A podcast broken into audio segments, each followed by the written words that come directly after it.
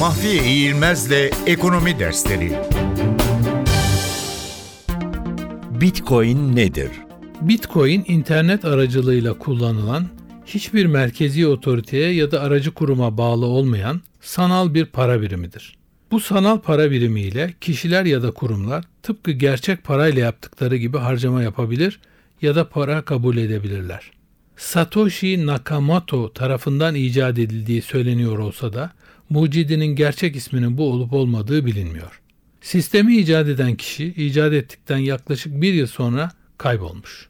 Sistem kurulduğunda 21 milyon bitcoin ile sınırlı olarak kurulmuş. Yeni bitcoinlerin dolaşıma çıkabilmesi için 16 haneli bir şifreyi çözmek gerekiyor.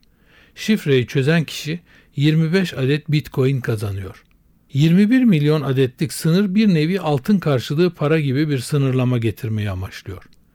Eğer Bitcoin sistemini kullanarak ödeme ya da bir işlem yapmak istiyor ve şifreyle uğraşmak istemiyorsanız Bitcoin satan internet sitelerinden para karşılığı satın alabiliyorsunuz. Bitcoin'in kuru da tıpkı ulusal paraların birbiri karşısındaki kuru gibi arz ve talebe göre piyasada belirleniyor.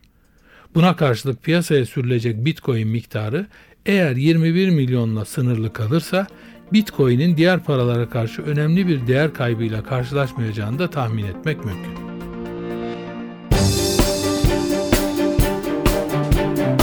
Mahfiye İğilmez'le Ekonomi Dersleri